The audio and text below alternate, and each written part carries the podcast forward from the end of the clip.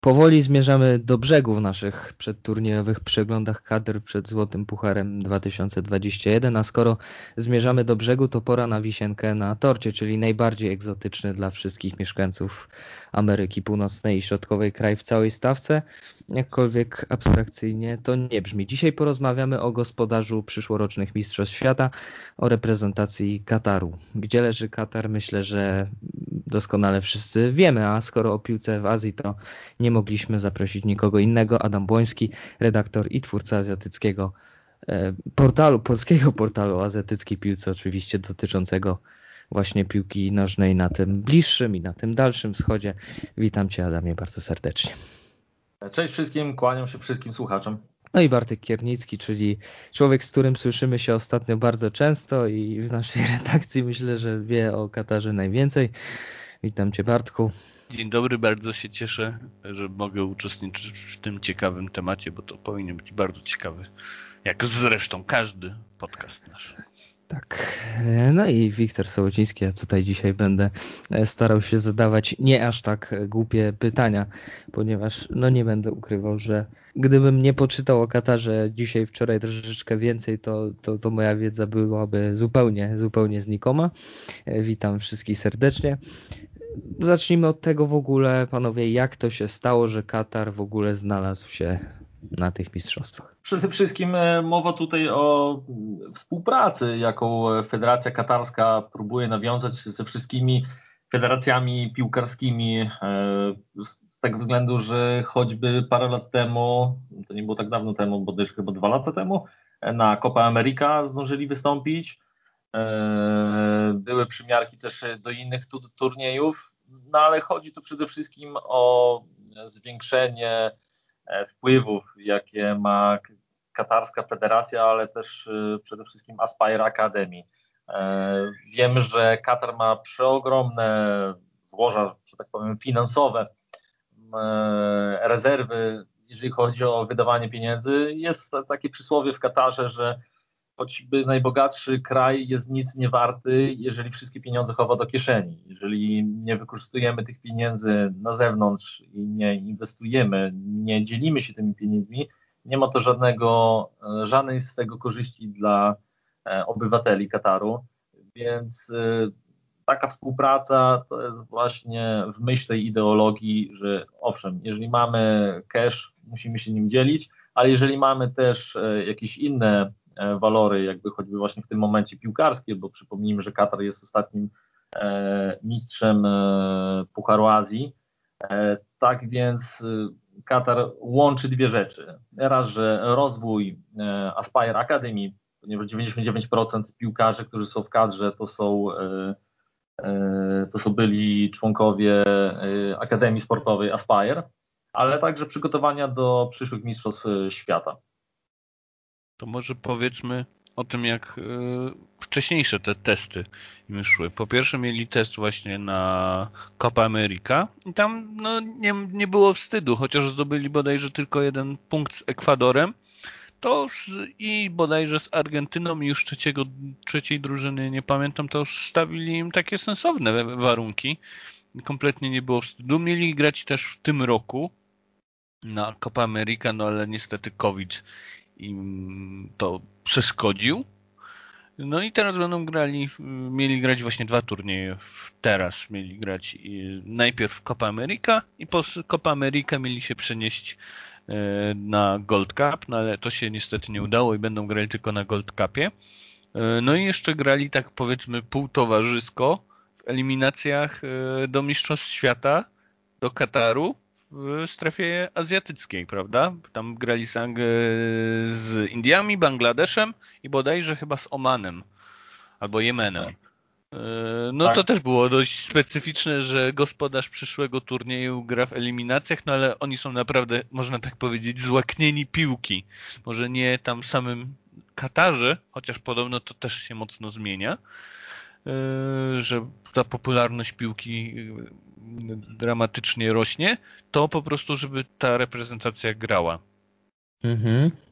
I teraz... E, tak, tylko tu przerwę, że trzeba powiedzieć, że po tym sensacyjnym zwycięstwie Pucharza Azji, bo ponieważ no nikt, nawet z ludzi, którzy biegle interesują się piłką azjatycką, nie przewidział tego, że Katar będzie w stanie wygrać Puchar Azji. Oni po tym sensacyjnym zwycięstwie mm, po Pucharze Azji zaliczyli 13 zwycięstw, 4 remisy i 7 przegranych. Właśnie w międzyczasie zaliczając Kopę Amerykę oraz Puchar Zatoki Perskiej. No i tu trzeba powiedzieć, że Katar, mówi się o Katarze, że to jest e, taki, taka federacja fasadowa, czyli wszystko co oni robią, to e, robią takie zmyłki. Co innego widać na zewnątrz, co innego w środku. No, przypomnijmy, że oni przed tym Pucharem e, Azji sensacyjnie wygranym, oni nie byli w stanie z Liechtensteinem wygrać. Oni nie przegrywali, no można powiedzieć, z kelnerami u siebie drużynami trzy półki niżej.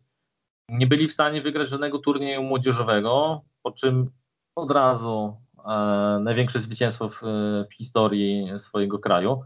E, I to samo było już później po turnieju, mm, gdzie właśnie męczyli się wielokrotnie z jakimiś gorszymi przeciwnikami, a na Copa America brakowało im tam naprawdę paru fajnych e, wykończeń ponieważ oni tam z Paragwajem, z tego co pamiętam, zremisowali 2-2, bo mecz był naprawdę bardzo rozrywkowy. E, z Kolumbią tam też przegrali ledwie jedną bramką, no i grali tam bodajże chyba z Argentyną, z tego co pamiętam, gdzie też mecz e, mógł się zakończyć innym wynikiem, gdyby tam parę razy argentyński bramkarz nie obronił. Ogólnie we wszystkich tych meczach nie odstawali od rywalów, E, no co pokazuje, że no, ta drużyna ma realnie szansę wyjść e, z grupy na Mistrzostwo Świata. Mhm. No właśnie chciałem zapytać o to, jak to się stało, że, że ten Katar, tak jak powiedzieliście, na tym na tym Copa America wyglądał całkiem, całkiem fajnie, że wygrał mm, też sensacyjnie Mistrzostwa Azji, a w eliminacjach do Rosji, czyli w 2017 roku, 18, no zajęli ostatnie miejsce w grupie w tych eliminacjach, no przegrywając tam e, praktycznie, zdobywając 7 punktów w 10 spotkaniach, będąc za Uzbekistanem, za Syrią, mm, za Chinami. Co się zmieniło od tamtego czasu? Jakie, jakie plany wdrożyła Federacja Katarska, żeby w ogóle poprawić kondycję tego piłkarstwa w tym kraju? No to tutaj przede wszystkim e, Felix Sanchez, e, trener hiszpański, którego ja pierwszy raz e, ujrzałem już tak w robocie na serio podczas Pucharu Azji U23. W Europie turniej całkowicie marginalizowany całkowicie zepchany do nizin nieważności, że tak powiem. E, I Felix Sanchez to jest człowiek, który już e, praktycznie od 15-16 lat pracuje w Katarze. On zaczynał swoją karierę właśnie w Aspire Academy i dzisiejszy sukces Kataru to jest nic innego jak e, po prostu monotonna, monotonna praca z tą samą grupą ludzi. Felix Sanchez 90% e, obecnej kadry zna od wieku 13-15 lat. On prowadził chłopak... właśnie chyba mm, e, trenerką był właśnie od U15. On wcześniej chyba trochę pracował tam w Barcelonie z młodzikami, tak. przeniósł się do Kataru i tam od U14 bodajże do U17, U19, U20, 21, 23 i później przejął Narodową i tak jak Adam mówi, większość kadry to są jego wychowankowie z Aspire Academy. A jak już dzisiaj chyba z trzy albo czterokrotnie wspominaliśmy o Aspire Academy, to może przy, przedstawisz, co to jest i jakie to jest niesamowite i imponujące, bo dla mnie jest to imponujący projekt. Ładnie mówiąc, według definicji jest to po prostu akademia sportowa, ale w realiach jest to wielkie konsorcjum sportowe. Jest to mm, projekt praktycznie narodowy, projekt mający na celu od 2004 lub 2003, tu już tak mówię z głowy, e, wprowadzić sportowców katarskich na wyższy poziom i w, w realiach jest to także wielka machina scoutingowa, z tego względu, że oni inwestują e, nie tylko w obywateli własnego kraju, bo tu trzeba też przypomnieć, że Katar to jest mało, małe państewko, państewko, które ma tylko 2,8 miliona mieszkańców, z tego 87% ludzi to emigranci. tylko 13% ludzi to lokalsi. Więc jeżeli mamy inwestować w sport, to musimy też szukać ludzi, którzy by chcieli po prostu być tymi Katarczykami. Stąd też e, wielu ludzi, e, którzy są członkami Aspire Academy, to są imigranci, to są ludzie, którzy szukali lepszego życia. Mamy tutaj Somalijczyków, Sudańczyków, Jemenczyków. Ogólnie Katar szuka wszędzie tam, gdzie ludzie są zdesperowani mogą rodzić się talenty, mogą się e, rodzić ludzie, którzy chcą tylko za lepsze życie reprezentować Katar. I tak właśnie wygląda od 2004 roku ten projekt, który na początku wyśmiewano w Europie, a na dzień dzisiejszy są benchmarkiem na świecie, jak tworzyć wieloletnie projekty, które później rzeczywiście przynoszą benefity. Ponieważ wygranie Pucharu Azji, przypomnijmy, od państwa, które się nie liczyło jakkolwiek, nawet w samej Azji nikt nie brał Kataru na poważnie. Był to przeciętny zespół, który, którego największe sukcesy to było wyjście e, z grupy i taki zespół od 2004 do 2018 przeradza się właśnie e, w świetnie naoliwioną machinę, która wygrywa Puchar Azji. A tylko tak przypomnę jeszcze, tylko wracając do tego Felixa Sancheza, hiszpański Kasparow trenerki, bo tak go można nazwać, ma tą przewagę nad swoimi rywalami w postaci znajomości większości piłkarzy od nastolatków. Hiszpan, Hiszpan y, pracuje, tak jak mówiłem, z tymi chłopakami od załóżmy 15 roku ich życia, 13 roku życia, y, mnóstwo lat. Y, ma z nimi stosunki bardziej ojcowskie niż czysto zawodowe. No i dzięki temu właśnie płynnemu przejściu z trenera słynnej kuźni talentów Aspire Academy przez selekcjonera młodzieżówki, skończywszy właśnie na głównodowodzącym dorosłą kadrą Kataru, zyskał ten komfort przekazywania swojego systemu gry od najmłodszych lat ze swoim podopiecznym. I to według mnie to był ten X-faktor właśnie ostatniego Pucharu Azji, w trakcie którego Katar, e, gdzie nie mógł, nie mógł wygrać talentem z, wiele, z wieloma drużynami, jak z, Katar, jak z Koreą czy z Japonią, przeważył właśnie tym, tymi automatyzmami, tymi wyuczonymi do perfekcji schematami zagrań. Jako, że jestem fanem statystyk, to przytoczę kilka odnośnie mhm. Spire Academy. Pierwsza statystyka, oni działają w scoutingu właśnie Bliski Wschód, Afryka od 2007 mhm. roku. Przeskautowali 10,5 miliona młodych dzieciaków tylko w piłce nożnej, bo jeszcze kilka milionów e, do innych sportów, bo Aspire Academy to nie jest tylko piłka nożna, tylko także atletyka. Więc najbliższe mm, olimpiady Katar powinien e, się rozruszać medalowo, bo no, nie robią, tak jak mówił Adam, niesamowity postęp. 10 milionów dzieciaków w Afryce, scouting, tysiące osób pracujących przy scoutingu, y, kilkadziesiąt boisk w Katarze, kilkaset boisk postawionych w Afryce, tylko po to, żeby skautować kolejne i testować kolejne dzieciaki. Y, to no, no jest to po prostu projekt niesamowity. Mm, I to też jest, to nie są takie, jak to się mówi, farbowane lisy, tak? Bo tak jak mówi Adam, to są piłkarze, dzieciaki, które są wyrywane ze strefy wojny. No to jest Irak, Tanzania, Syria, e, Sudan, Somalia, no, Jemen. Je, jeszcze Jemen, jeszcze kilka innych państw, przepraszam, że nie wymieniłem wszystkich. E, chłopaki dostają szansę na grę, dostają życie w komfortowych warunkach przez 10 lat ich rodzice dostają wsparcie finansowe, ich rodzeństwo, nie tylko chłopcy, ale i też dziewczynki mają wsparcie szkolne, że się tak wyrażę. Oczywiście dla nas, jako białych 8 e, czy 9% uprzywilejowanych ludzi na świecie jest to dziwne, ale dla ludzi z Afryki to jest golden shot. To no, nawet nie ma co się oszukiwać. To jest coś no po prostu wyciągnięcie ręki do tych ludzi. Okej, okay, my możemy to traktować jako, nie wiem, kupowanie sobie przyszłych atletów, ale przecież oni wydali ale... miliony, miliony dolarów, żeby ściągnąć tam może 30 chłopaków, a reszta chłopaków sobie tam gra. Oni kupili kilka klubów w Europie, żeby sobie, żeby piłkarze mogli przystosowywać się do gry w Europie, bodajże to jest chyba pierwsza albo druga liga belgijska, to, to Adam mnie na pewno poprawi. No do Eupen choćby, prawda, tam tak, gdzie Claude Makelele trenował, no to oni tam balansują między drugą a pierwszą ligą, to w no. zależności no. kiedy, w którym roku, gdzie grają. Okej, okay, czyli dlatego kojarzę pierwsza, druga. No to, to jest po prostu projekt niesamowity my możemy to traktować jako dziwne, ale tak jak e, właśnie Wiktor czy ja niekiedy śmieszkujemy z tych farmerów z Konkaka w tych słabszych reprezentacji, ja myślę, że 99% tych młodych chłopaków tam w wieku 15, 14, 13 lat by się dało pokroić za taką możliwość emigracji do Aspire Academy. I to mogę na to położyć orzechy na diamenty, że tak by było po prostu. Więc no. Tu, jest... Kulturowo to jest wielki, wielki ruch, więc.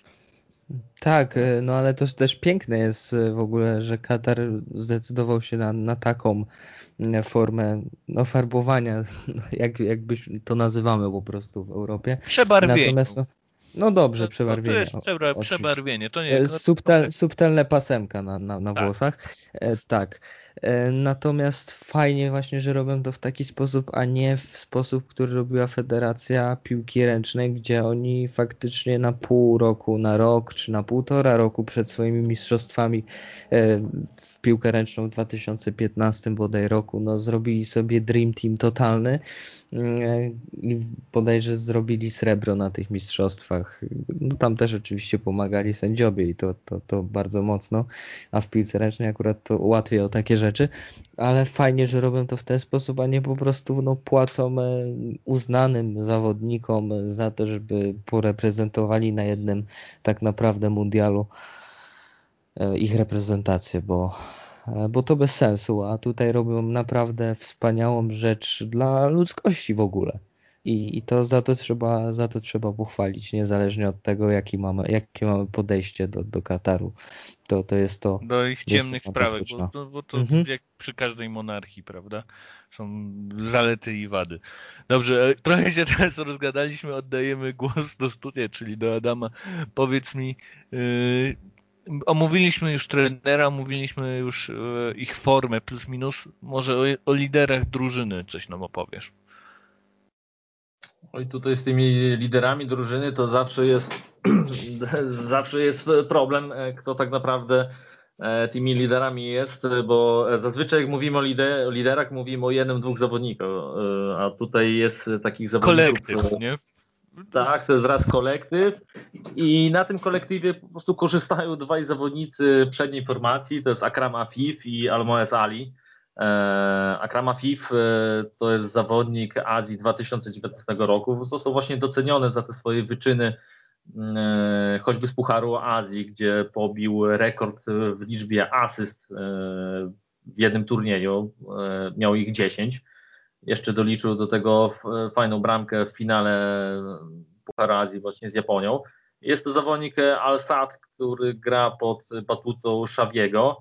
Mm, można powiedzieć, że to jest taki katarski Neymar, nie tylko ze względu na styl gry, jeżeli chodzi o umiejętności, jeżeli chodzi o bycie tym fantazistą, ale no też jeżeli chodzi o to irytujące prowokowanie rywali, wymuszanie fauli, wypłakiwaniu. No i gdyby nie to, że no, ma niesamowity talent i może piłką wiązać sobie krawat, e, no to jest to zawodnik, który chyba prócz fanów katarskich wzbudza największe negatywne emocje, e, bo choćby no, to, to, to, jego teatr w Pucharze Azji e, prowokował praktycznie wszystkich rywali. E, ale prócz tego naprawdę piłkarz fenomenalny. Mam nadzieję, że właśnie na Gold Cupie będzie mu się chciało grać, bo tu właśnie jeszcze też powiem, jaka jest sprawa z tymi e, liderami, ale po kolei. E, drugim właśnie tym liderem jest Almoez Ali. To jest chłopak, można powiedzieć, że to jest katarski Samuel Eto'o. Mega przyspieszenie, świetny, świetny finisher, list pola karnego. No, zawodnik, który z jednej okazji strzela dwie bramki i no też powoduje to, że no długo, długo nie usłyszymy o żadnym innym napastniku, ponieważ często Katar gra właśnie tym jednym wysuniętym napastnikiem. E, Akrama Fif 90% e, swoich piłek właśnie kieruje w stronę, w stronę Aliego. no ten duet się fenomenalnie uzupełnia, ale no przede wszystkim ten, ten automatyzm, jaki Felix Sanchez e, tutaj wprowadził, te różne zagrania w ciemno e, lecące kontry, jeżeli zobaczymy kontrę Kataru, to zobaczymy, że chłopcy praktycznie wybijają e, no-look pasy, a one zawsze i tak dochodzą i tutaj tym zaskoczyli właśnie Japonię czy Koreę na Pucharze Azji. Właśnie ja pamiętam na Pucharze Azji, że to, to, to po prostu pięknie wyglądało. Tam mają świetnego lewego obrońcę, który jest takim dzikiem, takim naprawdę bardzo dobrze zbudowanym obrońcą. To jest Abdelkarim Hassan. Abdelkarim Hassan. Mhm. Tak. Do, pamię go pamiętam, że to był taki mm, to przy, przyrównam go do Lawrence'a z Jamajki. Tylko lepiej zbudowanego fizycznie. Jeszcze lepiej. E, szybki, silny, dobry w ataku, dobry w obronie i on potrafił podać podanie długie na centymetry i idealnie obrońca, e, pomocnik się tam znajdował. Z pierwszej piłki kopnięcie do Afifa, Afif e, lobik do Almoeza i gol. No po prostu to, to, to, wyglądało kosmicznie. To niekiedy te, te, oczywiście nie cały czas to tak wyglądało, ale niektóre akcje to wyglądały bardziej jako jak taka, taki filmik z FIFA, a, a nie mecz normalny, bo po prostu niekiedy ten, tak jak właśnie Adam mówi, ten automatyzm no, niesamowity. Ogólnie jak już padło imię i nazwisko Almoez Ali, jeśli Katar podejdzie do tego poważnie, to naprawdę z ręką na sercu typuję go jako jednego z top 3 y, kandydatów do złotego buta w tych rozgrywkach. On albo Mora z Meksyku, to nawet dwóch. E, tak, tak. Bartku, już o, tym, właśnie... już o tym wspominałeś? Poprzednich musi... podcastach. tak, tak. Tu musimy tylko powiedzieć właśnie, e, bo to jeszcze mamy tam, prawda, takiego katarskiego Makalele Modipo, e, człowiek e, tyleż fajny, jeżeli chodzi o dewastację, jeżeli chodzi o właśnie mm, rozbijanie ataków rywali. To jest taki mały rzep, piłkarz mający 1,68 m, niesamowicie zbudowane nogi, niczym Roberto Carlos i on e, był kluczowy, e, to właśnie o dziwo gościu, który nie strzelił ani jednej bramki, nie zliczył ani jednej asysty, był kluczowy dla zwycięstwa w Pucharze Azji, ponieważ on był w stanie czyścić, ale też asekurować każdą strefę boiska. Wszędzie tam, gdzie trzeba było zdublować e, rywali, gdzie trzeba było asekurować boki obrony, on tam z niesamowitą szybkością się pojawiał. No ja go porównywałem do Claude'a Makelele, no ale dzisiaj na czasie to można powiedzieć, że to jest katarski N'Golo Kante. Kolejną. Kol... Tak. Ja go mogę porównać w MLS do Jimmy Chary. To jest taki, tak, y, tak. Ta, taki morderca środko, środkowego pola, który jest wszędzie. Potrzebne trzy, trzy jest pary płuc ma. E, trzy pary płuc, włoży Dobra. nogę, wo, włoży głowę tam, gdzie inni by nie włożyli nogi. Tak, to on jest tylko niższy, a tak to jest ta tak. charakterystyka, tak Portland, proszę go ściągnąć. Jak Właśnie to jest, to jest na Moje, moje pytanie następne. No ale to jeszcze dokończmy. dokończmy. Mhm. Przepraszam Adamie, ale to próbuję no to słuchaczom ja... wrzucać tak. podobnych piłkarzy, których yy, ja bym widział na przykład w MLS. Nie? Jeżeli tego... chcemy się odnieść do słuchaczy, to jak już wspomniałeś o tym e, dziku na lewej obronie, Abdelkarim Hassanie, to jest chłopak, który ma 27 lat, a już ma 102 występy w kadrze. 1,86 m na lewej obronie, do tego szybkość porównywalna, porównywalna do Bale'a za młodu, e, to proszę sobie wpisać jego nazwisko, można sobie wygooglować, na Wikipedii sprawdzić Abdur Karim Hassan i wpisać sobie to w YouTubie, zobaczycie przepiękną bramkę, bodajże chyba z 38 metrów, e, jakie też ma uderzenie ten człowiek, e, ale już wracając do tego składu, no to mamy jeszcze prawego obrońcę Pedro Miguela, który ma korzenie portugalskie. W ogóle tu z tymi chłopakami, których wymieniliśmy, no to też chcę powiedzieć, że Afif e, to jest zrodzony z małżeństwa jemeńsko-somalijskiego, e, Alomez Ali z Sudanu, właśnie Pedro Miguel, prawy obrońca, też kluczowy dla tutaj obrony Kataru z pochodzenia portugalskiego. Mamy Bulema Krakiego z, z Algierii, Al-Rawiego z Iraku, ale do czego zmierzam? E, to są wszystko liderzy drużyny katarskiej, którzy mniej więcej tak już od 3-4 lat Felix Sanchez mocno ich eksploatuje, żeby zgrywać tą drużynę na Mistrzostwo Świata. Ten kręgosłup tej drużyny się nie zmieni do, przyszłych, do przyszłego mundialu. Tylko, że jest jeden tutaj problem. W ostatnich meczach, choćby tych właśnie pseudoeliminacyjnych do Mistrzostw Świata, gdzie oni i tak przecież mają awans zagwarantowany, no widać było, że chłopcy grali na pół gwizdka, a to z tego powodu, że z niewolnika nie ma pracownika.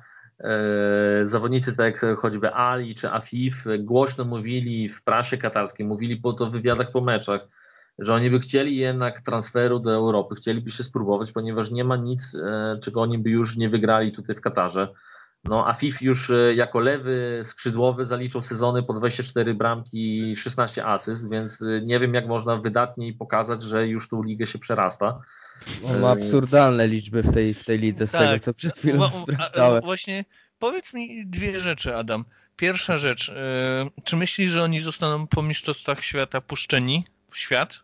Ja mam taką Jeżeli... nadzieję, bo dość dużo piłkarzy ma, jest, właśnie to są takie śmieszne roczniki, że jest, są 30-latkowie, 27-latkowie i 24-latkowie. Taki jest podział trzech tak. części kadry, tam jakiś niedobitek dwudziestolatek, ale tak to są trzy, 30 albo 31-latkowie. Kolejne mistrzostwa 27... U23 zaliczali, wiesz, pewnie i, no tak, to, tam, tak to im wyszło co trzy tak, lata. Może, możliwe, no. Wszystkie te, e, wszyscy ci zawodnicy z tego rocznika, co mają teraz 24 e, lata, to są właśnie chłopa, e, chłopcy, którzy szli z Felixem Sanchezem e, od tej kadry U15 E, na przykład taki Afif zaliczył dwa, e, dwa te turnieje U23. E, tak samo Almoez Ali. Więc i oni tam właśnie byli trenowani przez Felixa Sancheza. I no, oni mają już ze sobą, już tak strzelam, bo mówię to z głowy, czytałem bodajże rok temu już jakiś tam artykuł, gdzie było wyliczone, że choćby Afif i Ali mają już ze sobą powyżej 100 meczów razem, prawda? W, w tych różnych kadrach od młodzieżowej do, e, do dorosłej, co pokazuje. W wieku 24 że... lat, to jest, to jest a, naprawdę imponujące. A oni jeszcze nie, niestety nie grają w jednej drużynie klubowej, drużynie klubowej bo oni chyba w takich tak. derbowych przeciwnikach. tak, bo to było liczone tylko jest... i wyłącznie w tych kadrach młodzieżowych. Mhm. Okay.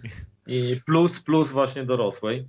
E, no mamy taką legendę katarskiej piłki Hasana Al-Hajdosa, E, o ile was zdjęcie twarzy tego zawodnika nie przestraszy, to przesympatyczny gość, ale on ma już w wieku 30 lat, 140 e, występy, 31 bramek.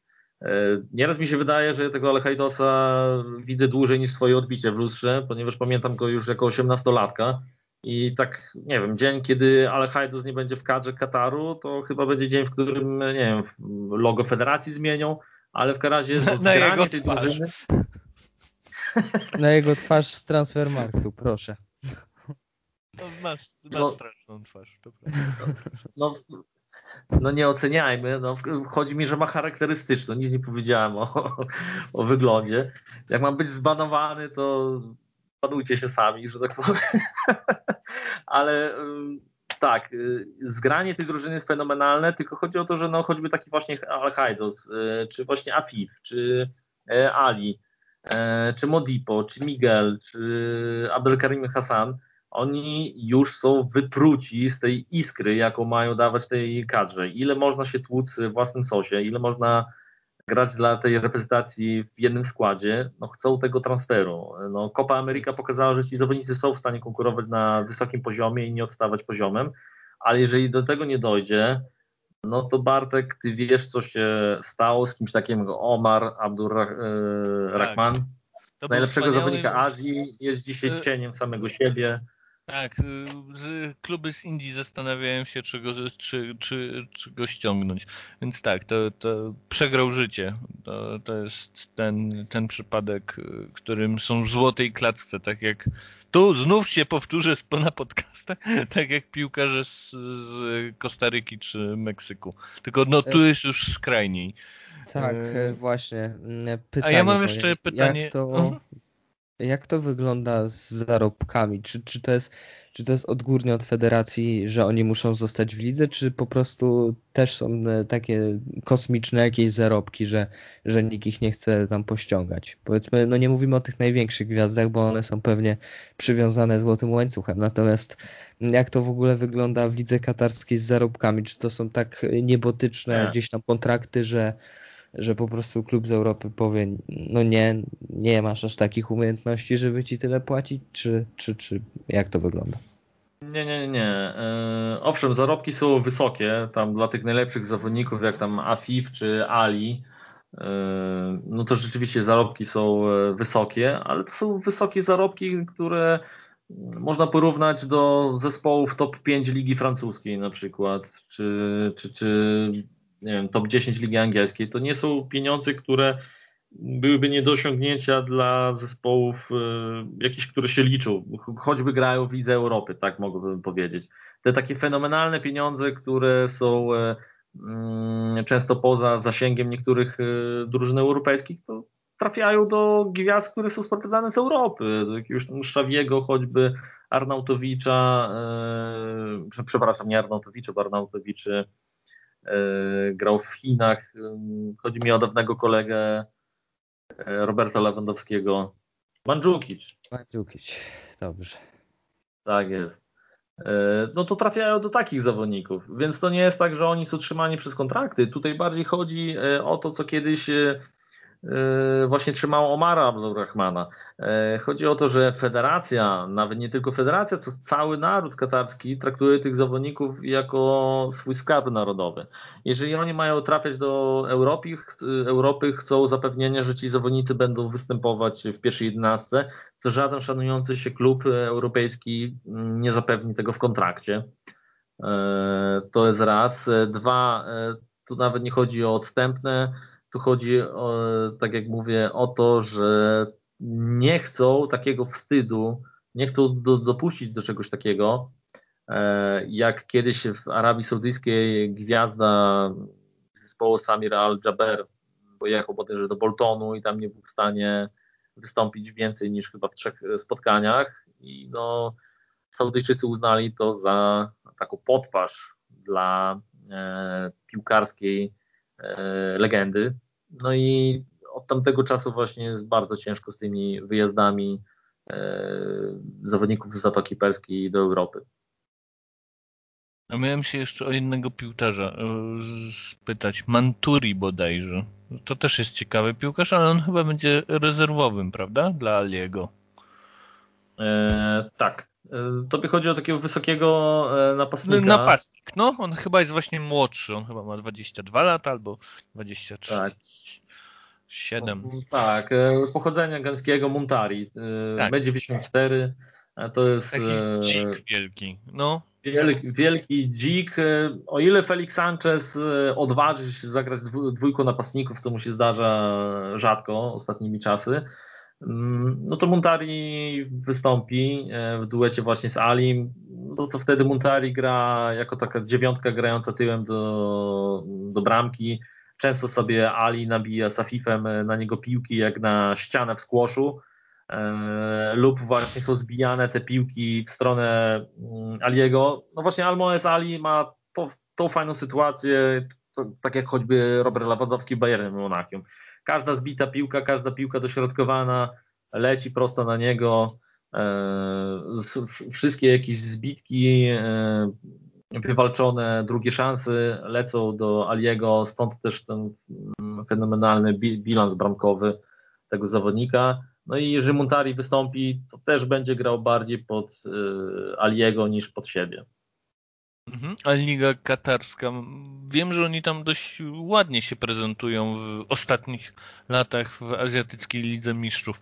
Ale sama liga jest mocna, czy tam ma 3-4 drużyny? Bo jeśli dobrze kojarzę, kadra ma chyba 3, większość piłkarzy to jest z trzech drużyn, tam chyba jeden albo dwóch rodzynków jest z czwartej drużyny, a tak to są trzy silne drużyny i one grają w Azjatyckiej Lidze Mistrzów. I oni tam coś całkiem dobrze sobie radzą, jak do, dobrze kojarzę.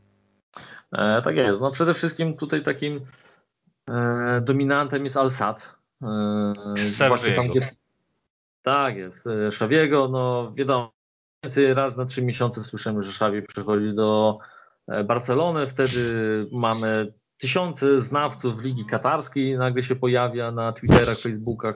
Są te jakieś takie gify, jeżeli chodzi o tiki-taki Szawiego od razu, prawda, no to już jeden do innego do Barcelony to przedstawi. E, no trzeba też powiedzieć e, dla tych, którzy nie orientują się w lidze katarskiej, że tak naprawdę Szawi przejął e, już dobrze naoliwioną maszynę po portugalskim trenerze, który bodajże teraz do Benfiki poszedł, z tego co pamiętam. No ale w każdym razie Szawi tam na początku miał ogromne problemy, nim to zaczęło funkcjonować, ale no tak dostał gotowy pro, produkt. Zawodników, którzy już są zgrywani 4-5 lat, i to jest to samo, co w reprezentacji Kataru. E, ten Al-Sad już jest przesiączony, przesiączony sobą. E, I jeżeli chodzi o Ligę Katarską, tak na szybko odpowiadając na to pytanie, tak, tam rzeczywiście trzy, trzy, kluby, trzy kluby dominują. Tam jest Al-Sad, Al-Rayan, Al-Duhai. Można dorzucić do tego jeszcze Al-Garafę. No ale Al-Sad, no to to jest taki dominant i stąd też y, no, ludzie trochę błędnie biorą to, że to jest tam głównie zasługa Szawiego. No, zasługa to jest tego, że ten klub był budowany przez parę lat. E, te automatyzmy są takie same jak w reprezentacji.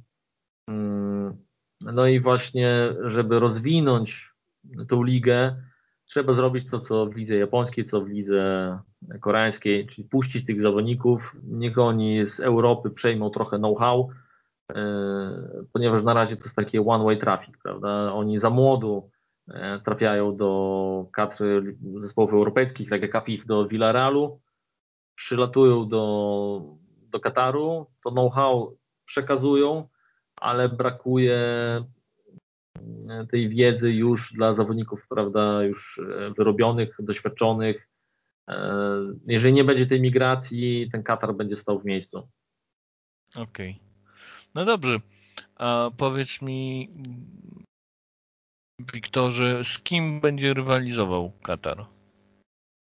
Tak, no Katar jest już w tej grupie, o której, o której mówiliśmy bardzo często. Panama, tak, e, oczywiście Honduras i, i Grenada, czyli to są te, te zespoły, z którymi Katar się zmierzy w trakcie tych mistrzostw. No i nie wiem jak tam Adam, masz wiedzę na temat tych e, zespołów ze strefy CONCACAF. Bartek mówi, że no pewniak, że, że Katar wyjdzie z pierwszego miejsca. Ja nie wiem e, za bardzo, nie wiedziałem e, do dzisiaj nic o Katarze, więc stwierdziłem, że będą walczyli z Hondurasem, raczej Panama i no Grenada to już w ogóle to są, to są chłopcy do, do bicia dla nich. No ale właśnie chciałem się zapytać panowie, tak już zmierzając powoli do brzegu, na co stać Katar, jeżeli im się będzie chciało na tych mistrzostwach, e, czy są w stanie powalczyć na przykład. Jak, jak taki Katar może wyglądać na tle Meksyku, który przyjechał z mocną kadrą, e, który raczej będzie, będzie no jest faworytem numer jeden do wygrania tych mistrzostw. Czy masz jakieś e, porównanie, jak może wyglądać Katar na tle Meksyku? Czy to jest podobny Katar do tego, co widzieliśmy na Copa America, czy już są na przykład krok do przodu, czy, czy może stoją w miejscu? Adam. Niech wpierw Bartek się wypowie, a, mhm. a ja puszczę kontrę do tego. Ale to może być trudne. Powiem tak, y, ja bardziej bym się spodziewał, że Katar wywróci się na jakimś średniaku typu, nie wiem, Jamajka albo...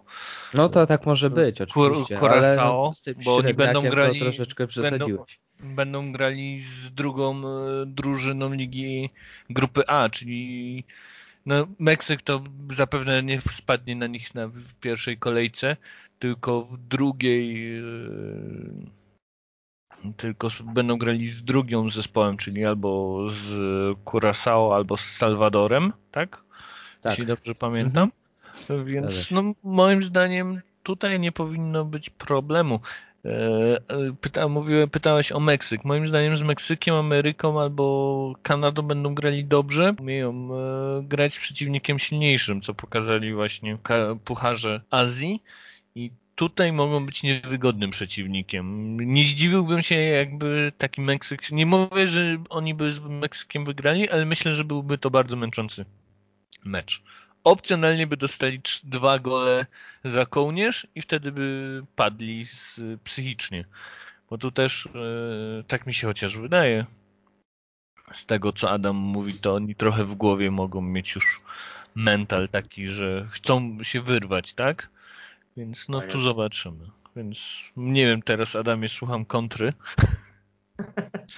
E, może to nie będzie kontra, tylko mm, stwierdzenie pewnego faktu, że e, boję się tego, że Felix Sanchez i ogólnie włodarze Federacji Katarskiej jeszcze dużo, dużo, e, albo raczej długo przed turniejem zapowiadali, że turniej będzie okazją do sprawdzenia pewnych systemów, pewnych zagrywek, które będą się bali w innych meczach o stawkę testować przed Mistrzostwami Świata.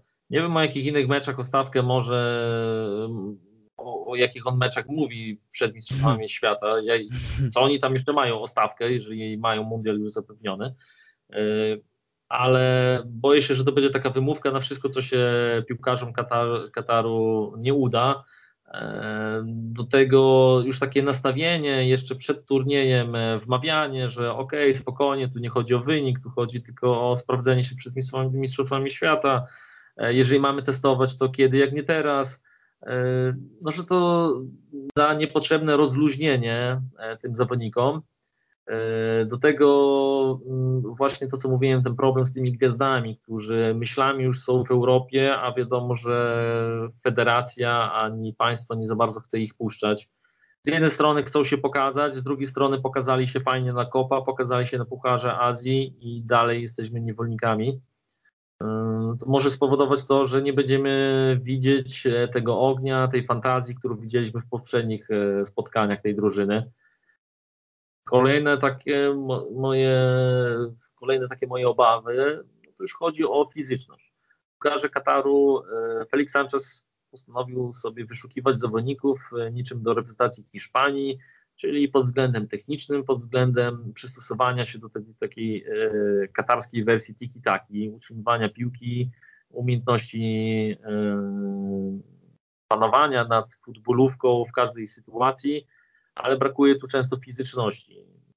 Średnia wzrostu obrońców katarskich to jest 1,80 m, kilo 70 No i nie wiem, jak to będzie wyglądało, choćby w starciu z takimi obrońcami jak Cummings, y, prawda, z Panamy, który jest cięższy niż wyższy, bo on ma 1,83 m, 94 kg. Tam Andrade, 1,87 m, też chłop e, mocno umieśniony. No i tutaj rzeczywiście Katarczycy zawsze odstawali fizycznie od tych drużyn grających bardziej fizycznie, jak e, choćby Korea Południowa. Korea, to. Tak, oni tam przy, przegrali, co prawda, znaczy inaczej, wygrali z, Kata, e, z Koreą ledwo 1-0 po bramce Hatima, pamiętam. E, zbytnio dużo nie mogli zrobić, ale właśnie tutaj obawy są, jeżeli chodzi o właśnie grę przy stałych fragmentach gry z tymi rosłymi zawodnikami, jeżeli chodzi o takie przypychanki. E, też wiemy, ile Katarczycy wymuszali fauli, ile tam było symulek na Pucharze Azji. Nie wiem, czy to przejdzie. To, to może akurat wyjść, wiesz, bo CONCACAF sędziowie to jest to jest inna historia. To jest inny rozdział, osobny Ogl rozdział w każdej książce. Oglądałem skrót z Salwadoru. No, oni tam się nie bają, nie, nie bawią w jakieś tam subtelne przepychanie się. Tam chwytanie za szyję, haki i przerzuty a la Ramos e, Egipcjanina to tam na porządku dziennym. Więc e, no, to taki konkakaw style. To powinni się poczuć jak ryby w wodzie. Tylko mogą, mogą się denerwować, bo oni zawsze będą gwizdani pod nich, nie? Ale e, no, yy, że się tak wyrażę, sędziowie w CONCACAF na dużo pozwalają, więc Duszonko na przykład yy, nie, nie ma meczu Ligi Reprezentacji Meksykańskiej, która gra z Amerykanami albo z Kanadyjczykami, żeby chociaż jednego, dwóch piłkarzy Meksykanie nie podduszali, więc nie zdziwiłbym Może to jest się. jakaś popularna forma spędzania wolnego czasu w Meksyku. Może. Dobrze. E, no, mieliśmy jeszcze porozmawiać o Polakach e, w Katarze, w reprezentacji Kataru. Tak sobie to ustaliliśmy przed, przed podcastem. E, pytanie, Adamie, na ile to jest czasu? Yy, dosłownie na sekundkę z tego względu, że... No to porozmawiamy o, o Polakach w Katarze w takim razie. Chodzi bardziej mi o takie polskie akcenty niż o samych Polakach, z tego względu, że jeżeli chodzi o samym Polaku, e, to mało kto zwraca na to uwagę, że tam szefem fizjoterapeutów, który z Felixem Sanchezem podróżował od tych wszystkich reprezentacji U20, U23, e, jest Przemysław Tokarek. To jest Polak, e, który już tam parę lat współpracuje z Aspire Academy. No, póki co widzę, że nie za bardzo ktokolwiek do niego dociera. E, no ale to jest właśnie gość, który dużo, dużo światła rzucił na to, jaką jest właśnie machiną Aspire Academy, ale też właśnie e, zwraca uwagę, jak Felix Sanchez prowadzi tych chłopaków od 13-15 latka, e, jak jest fenomenalne zżycie tych zawodników, jak bardziej jest to rodzina niż reprezentacja. Mm, I tu właśnie trzeba zwracać uwagę, czy taki charakterystyczny blondynek będzie na ławce mm, rezerwowej e, Kataru. E, no to więc mamy e, akcent taki na Gold Cupie, tylko mm, mówię, on tu jest szefem fizjoterapeutów, ale on nie zawsze jeździ na te mecze z tego względu, że często kogoś tam wyznacza do tego. Na mistrzostwach U23 był, był na Pucharze Azji, i jakie są jego teraz obecnie losy? No to zobaczę na, na, na telewizorze, kiedy będzie puchar, e, puchar, e, kiedy będzie Gold Cup.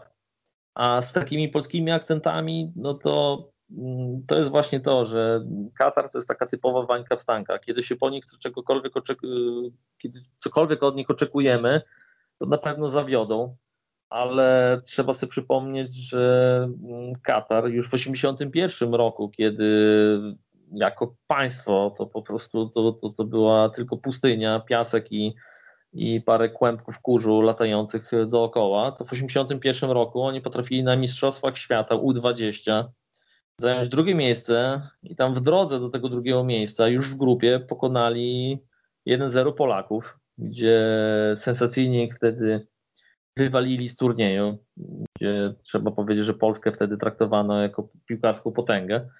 E, no ale w drodze do tego drugiego miejsca, do tego wicemistrzostwa U20, oni pokonali, e, zremisowali z USA, czyli akcent gold cupowy, e, ale też wygrali, uwaga, z Brazylią 3-2, z Anglią wygrali 2-1 i dopiero w finale przegrali z Niemcami 4-0. Więc y, a później mnóstwo, kupę lat posłuchy, gdzie nie byli w stanie na, włas, na własnym podwórku nic zdziałać, nie potrafili turniejów kontynentalnych y, wygrać, y, bo oni nie potrafili nawet wyjść z grupy często na tych turniejach, na przykład Mistrzostwa Azji U19. Więc oczekiwać od Kataru czegokolwiek na Gold Cup to jest mega ryzykowne no wolałbym w Las Vegas przewalić wszystkie pieniądze niż postawić cokolwiek na Katar. E, jak będziemy wierzyć, że coś wygrają, to pewnie przewalą. Jak będziemy oczekiwać porażki, to pewnie nas zaskoczą. No, piłka azjatycka, oczekuj nieoczekiwanego. To jest myślę idealne podsumowanie w ogóle taka e, puenta całego Gold Cup. Nieoczekiwanego. No myślę, że powoli już e, musimy kończyć i tak e, będą pewnie jakieś e, komentarze, że troszeczkę przewaliliśmy dzisiaj z czasem, natomiast warto było, rozmawiało się wybornie. Dziękuję, Adam Błoński, ekspert od azjatyckiej piłki, od Kataru oczywiście również. Dzięki śliczne, dziękuję za zaproszenie. Mam nadzieję, że nie przynudzaliśmy. Bartek Kiernicki, ekspert od piłki w ogóle. Do koła eksperta y, nawet nie stałem, ale myślę, że fanatyk ciekawostek piłkarskich to tak. Dziękuję. I Wiktor Sołociński, dziękuję bardzo serdecznie.